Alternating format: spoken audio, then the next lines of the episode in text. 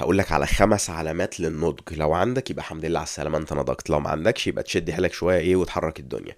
العلامة الأولى إن يكون أمانك وسلامك النفسي أهم بكتير من إن أنت تكون صح. يعني إيه؟ يعني لو أنت دخلت في نقاش وفي جدال مع حد الأهل أحسن من الزمالك الفريق ده أحسن من مش عارف إيه آه، الطريق ده هيبقى زحمة لأ تعالى ناخد الطريق ده. الاحسن لك إن أنت هتلاقي نفسك بتختار اللي يريح بالك مش إن أنت تحط مجهود علشان تبذل وتثبت للي حواليك إن هم غلط وأنت اللي صح. لأن أنت عارف إن مهما حاولت تثبت للي حواليك إن هم صح الموضوع هيبقى خسران خسران. لو أنت كسبت اللي قدامك هيزعل منك. لو أنت خسرت أنت هتتنرفز. فإيه الأحسن إن أنت تريح بالك وتختار السلام النفسي والأمان النفسي وإيه وتخلي دماغك هادية كده. دي العلامة الأولى. العلامة الثانية no relationship is perfect. So misbehave. يعني إيه الكلام ده؟ يعني ما فيش علاقة في الدنيا علاقة صداقة علاقة أهل علاقة زواج علاقة شغل بيرفكت ما فيهاش مشاكل. كل العلاقات هيحصل فيها شد وجذب.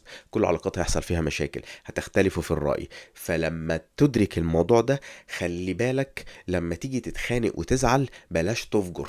ماشي؟ بلاش إيه ت... ت... تروح تأذي. بلاش تروح تتكلم. بلاش تتكلم في ظهر الشخص ده. بلاش تبوظ الدنيا. عشان في معظم الأحيان الدنيا هترجع تاني زي ما أنتوا. فلما تيجي ترجع تاني انت مش عايز تبقى انت بوظت الدنيا. فده طبيعي وده جزء من ال... من من الحياة وكل مرة كل ما نخش في علاقة جديدة هتلاقي الدنيا تبقى جميلة في الأول بعد شوية نختلف مع بعض بعد كده نتخانق وبعد كده العلاقة كمان ممكن تبقى أحسن بعد ما نتخانق. فدي تاني حاجة لو أدركتها يبقى أنت نضجت. تالت حاجة people will always judge you.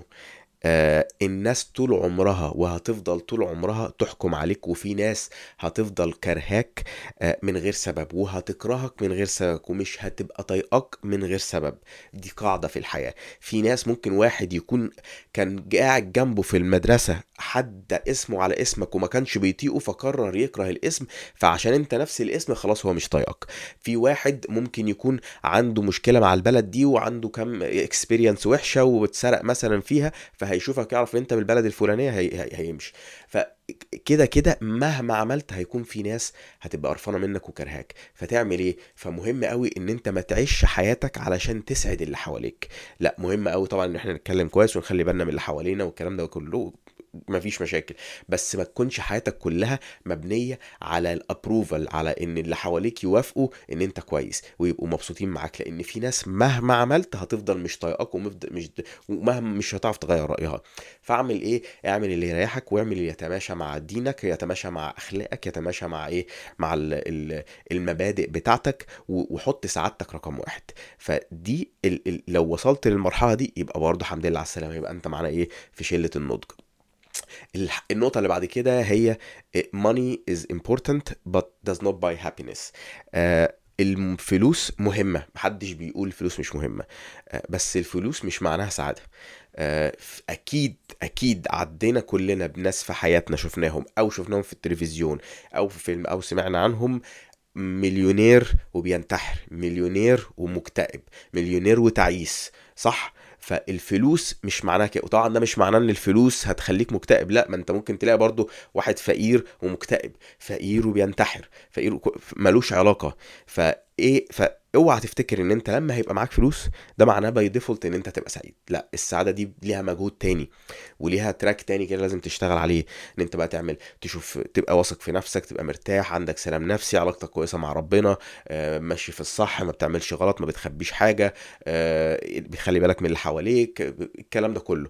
علشان تبقى إيه يعني برضو عندك نوع من انواع القناعة آه, آه، عايز أكتر بس في نفس الوقت حمد ربنا على اللي معاك الكلام ده كله.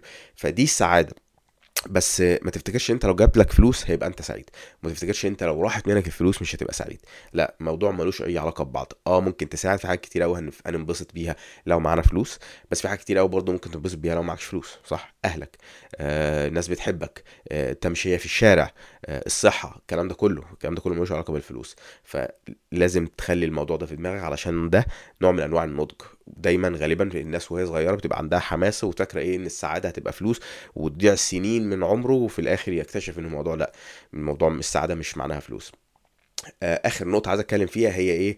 آه، اوعى تاخد قرار وأنت مبسوط قوي أو أنت فرحان قوي آه ليه؟ لأن إحنا كبني آدمين عندنا عاطفة وعندنا عقل.